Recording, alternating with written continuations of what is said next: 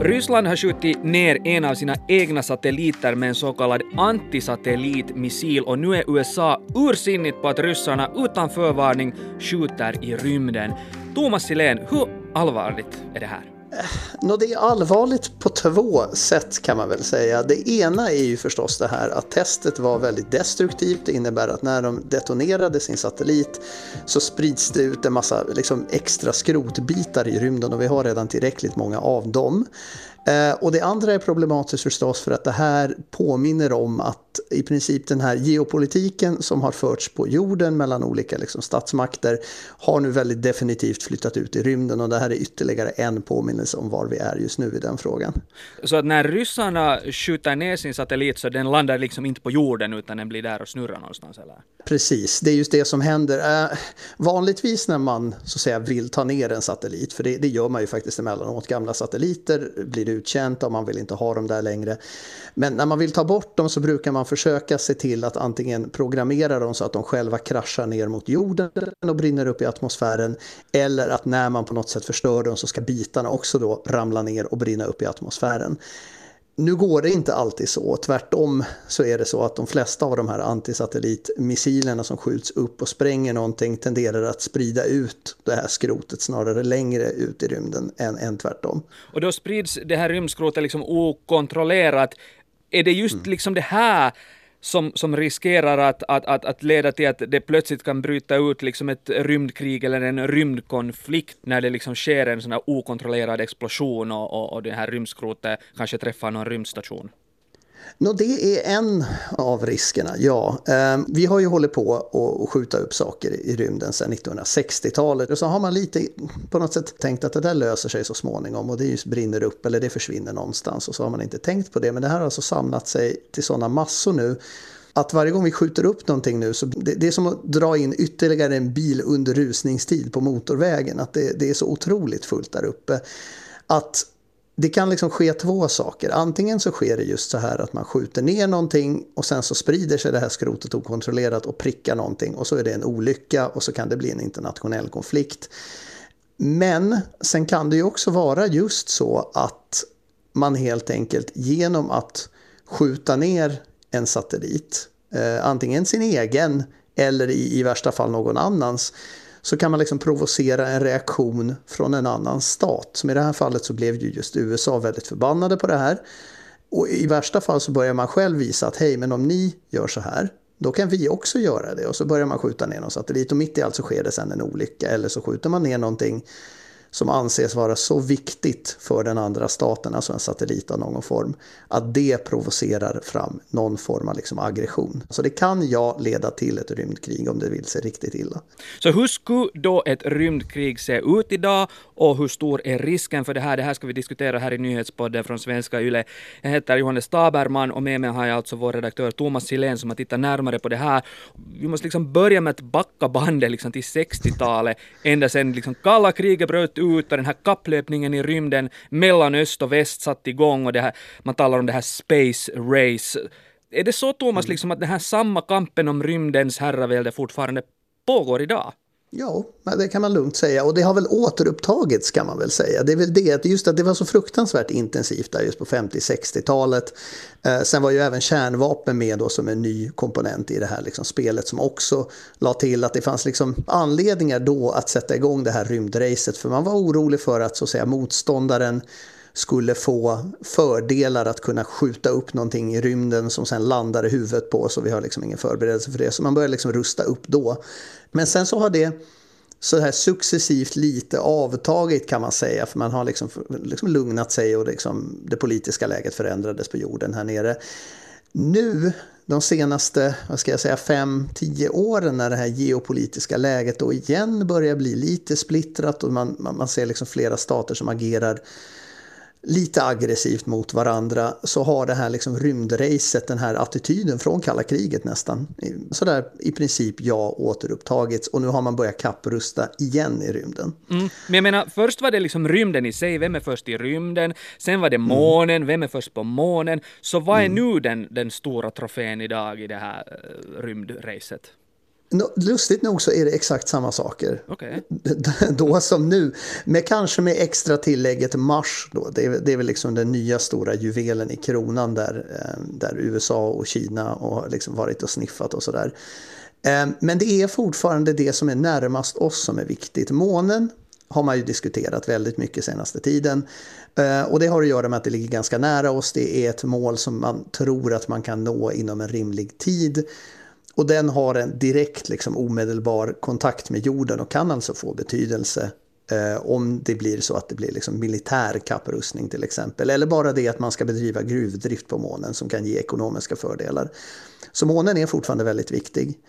Men sen det som är omedelbart på spel och det är väl kanske det här då som, är, som skulle bli liksom det nya rymdkrigets startpunkt. Det är alltså liksom det här omloppsbanorna närmast jorden där alla våra satelliter befinner sig. Det är liksom det nya viktiga. Just det, för jag tänker liksom att fast du talar här om att liksom de här målen på något sätt är delvis detsamma, så mycket har ju hänt sen mm. hunden Laika sköts upp i rymden och Neil Armstrong tog sina första steg på månen. För att idag ligger ju rymden kan man säga närmare oss än någonsin, just på grund av alla mm. satelliter som vi är så otroligt beroende av? Jo, satelliter är en del av det moderna samhällsbygget. Det, det är så otroligt, otroligt svårt att förstå hur beroende vi är av de här satelliterna. Så de är ju nog absolut de största kanske förändringen sedan 60-talet är att vi är mycket mer beroende av rymden än vad vi var då. Då var det liksom bara ytterligare en punkt att intressera sig för. Nu är det en vital del av vårt samhälle. Så vilken roll spelar liksom satelliterna i den här liksom kapprustningen i eh, rymden och potentiella rymdkonflikter som kan uppstå mellan mm. stormakterna?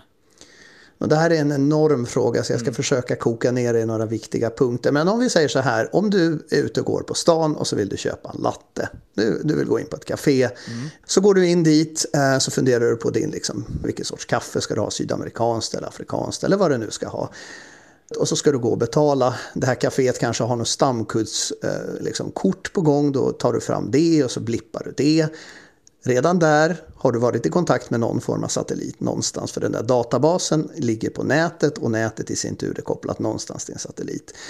Du betalar kanske med ett kreditkort det är kopplat till bank, det är kopplat till satelliter. Ehm, du har valt ditt kaffe, säg att det är ett sydamerikanskt kaffe. Det har säkert beställts via någon logistikkedja som finns på en databas som är kopplat till en satellit och som har fraktats dit med skepp som navigerar med hjälp av satelliter och fraktats dit med lastbilar som är beroende av satelliter. Ehm, kassaregistret som du liksom registrerar ditt köp är förmodligen också förbundet till något nätverk. Det är också förbundet till en satellit. Och Den här liksom podden, podden skulle väl inte nå ut till sina lyssnare utan satelliter? Bara det att du kan lyssna på den här podden och att vi kan spela in den här podden just nu är beroende av satelliter. Och som sagt, det här är bara på den lägsta nivån för att sen när du börjar just skala upp det här så just bankväsenden, våra, våra finansiella system, eh, ni vet ju vad som händer om det blir en ekonomisk kollaps, världen får ju fnatt. Om satelliterna slutar fungera så slutar bankväsenden och ekonomiska transaktioner att fungera och det blir kaos. Ehm, transportsystem hela världen över får jättelika problem, de vet inte var de ska ta vägen plötsligt. Det blir kaos. Ehm, politiker kan inte kommunicera med varandra. Jag menar alla mobilnät och alla internet och allting sånt, e-mail, allting är sånt beroende av satelliterna som vi liksom använder i vår dagliga kommunikation. Och då har vi inte ens tangerat alla militära eh, problem som uppstår. Då militären planerar alla sina strategier, eh, övervakning, informationsuppsamling, mm. var en robot ska avfyras till var. Allt det här är beroende av satelliter. Så det, man kan liksom inte överskatta betydelsen av hur viktiga satelliterna är och hur beroende alla stater är av dem. Och samtidigt som vi har alla de här tusentals satelliterna som snurrar runt jorden och vi är totalt beroende av dem så har vi också det här mängden rymdskrot mm. som växer som också snurrar där runt jorden och som då liksom också ett hot mot, mm. mot de här satelliterna. Jag menar vilken, vilken roll har rymdskrot krotet här i, i, i den här potentiella soppan som kan uppstå?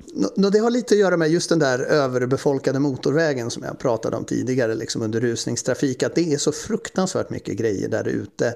Rymdskrotet, där, där pratar vi om liksom prylar i stora och små liksom storleksordningar, men alltså hundratusentals föremål som bara flyter runt och varje grej är en potentiell fara som flyger omkring där ute för det är så otroligt känsligt där uppe att till och med små komponenter, om de slår hål på rätt grej, till exempel på en satellit eller en rymdstation, så kan det skapa alltså katastrof. Det kan få hela systemet att kollapsa. Och det i sin tur är ett problem förstås för att om satelliten börjar röra sig till exempel okontrollerat så kan den krascha in i någonting och så uppstår en sån här kaskadeffekt som i princip kan slå ut allting. Så det är otroligt känsligt ekosystem. Eh, så på det sättet så hänger rymdskrot ihop med den här satellitpolitiken. För ju mer satelliter vi skickar upp, desto mera saker finns det att krocka med. Desto mera saker finns det som kan bli skrot som sen kan krocka med någonting. Och desto fler mål finns det förstås om man nu vill börja jävlas med varandra och just föra krig. För då finns det liksom mera saker att pricka helt enkelt och ställa till med. Så, så när USA nu reagerar så kraftigt på att Ryssland skjuter upp en sån här antisatellitmissil och förstör sin egen satellit och de är oroade för att, att den här internationella rymdstationen ISS kan ta skada för det här så, så det finns liksom faktiskt orsak att reagera kraftigt och, och se det här som en provokation. Mm. Jo, och, och, varje gång det görs en sån här liksom destruktivt test av en sån här antisatellitsystem så reagerar man alltid starkt internationellt. Indien har gjort det här förut. Ehm, Kina har gjort det med en väderstation som sen skapade problem alltså i år trots att de sköt ner den 2007. Ehm, USA har sprängt satelliter också. Och det, jag menar, varje gång det här händer så är det liksom en, en det är orsak till att reagera internationellt. Eh, också framförallt för att det här sättet att förstöra en satellit är inte det enda alternativet som finns. Det här är en väldigt så här, tydlig uppvisning, att man har kapacitet. Så det är, det är liksom en politisk handling lika mycket som det är en liksom praktisk grej att man, att man vill plocka bort en satellit. Just det, så, så Ryssland är inte ensamma om att ha de här anti, ja. antisatellitmissilerna, men de valde nu att använda dem. Men jag menar, finns det någon sån här överenskommelse om att man inte skulle få uh, använda dem, eller måste man liksom fråga lov av varandra före man gör det, eller finns det några regler här överhuvudtaget?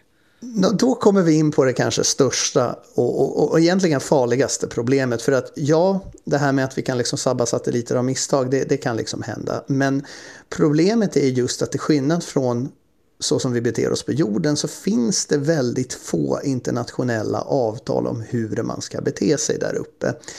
Eh, det kanske första och mest, liksom, det tyngsta om man säger då, är ett avtal från 60-talet eh, som kallas rymdfördraget på svenska som i princip reglerar en del av beteendet, det vill säga man får inte spränga kärnvapen uppe i rymden. Ehm, och det finns vissa regler som säger vilken typ av missiler som får liksom åka igenom de här liksom olika omloppsbanorna och sen åka tillbaka på jorden, vad de får bära för vapen.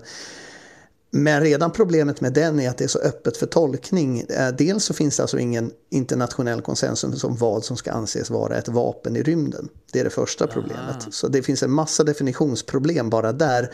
Och sen så menar då vissa att, att det här fördraget i princip bannlyser all sorts beväpning i rymden medan andra hävdar att det bara handlar om vapen som är bestyckade med någon form av kärnvapen. Så att det är liksom problematiskt redan där. Och sen har man under åren, bland annat från EUs håll men även från USAs håll och Ryssland och Kinas håll försökt hitta på ramverk för hur man ska bete sig, vilka vapen man får använda, vilka just tester man får utföra. Ehm, men sen har den andra parten oftast inte velat gå med på det för de tycker att det ger dem nackdelar och ger fördelar till motståndaren. Så det finns liksom vissa internationella regler, avtal som sträcker sig ända ut i rymden, men de är liksom vagt mm. definierade. Mm. Så bäddar det här inte för liksom att det plötsligt kan blossa upp en konflikt via en olycka eller någonting som sen liksom får massiva följder och så vips har vi liksom ett rymdkrig här. Jo, och det är just det att det är lite som situationen just med kärnvapen när, mm. när det var som värst. Att det är sådär att alla sitter och lite försiktiga och dansar nära någon slags gräns. Och alla vet att det är för jävligt om man kliver över den gränsen men man testar lite och ser var, hur nära man kan komma det här och man leker lite med elden för det är just det där att om någon handlar på ett visst sätt till exempel genom att spränga en, en av sina egna satelliter så kan det anses som någon form av liksom styrkedemonstration och så ska man göra om det. Och till slut så slutar det med att någon vill visa att man är extra duktig och spränger någon motståndares satellit och sen så eskalerar det här. Att det är ju liksom en, en sån här liksom worst case scenario. Ehm, och till och med de här avtalen visar att den här geopolitiska uppdelningen och liksom positioneringen är nu jätte, jättemycket intensivare än vad den har varit när till exempel Ryssland och Kina inbjuder Indien att gå med i någon slags gemensamt avtal för dem men där USA till exempel inte alls är med och så vidare. Så att det finns alla komponenter för att någonting ska gå fel, ja. Så vi, vi, vi liksom ser nu en svajig terrorbalans som pågår i rymden? Mm. Och det är just det som är det viktiga poängen här, just den där terrorbalansen. För precis som med kärnvapnen som jag nämnde, så är det lite det som håller det här i schack nu också. För att alla vet hur förbannat förödande det skulle vara om det här liksom satellitkriget på riktigt kom igång. För folk förlorar så otroligt mycket på det. Men den där vinsten är väldigt oklar. Thomas Silén, tack för att du kom hit till Nyhetspodden och redde ut vad som händer där ute i rymden. Tack. Jag heter Johannes Taberman. Fortsätt lyssna på oss.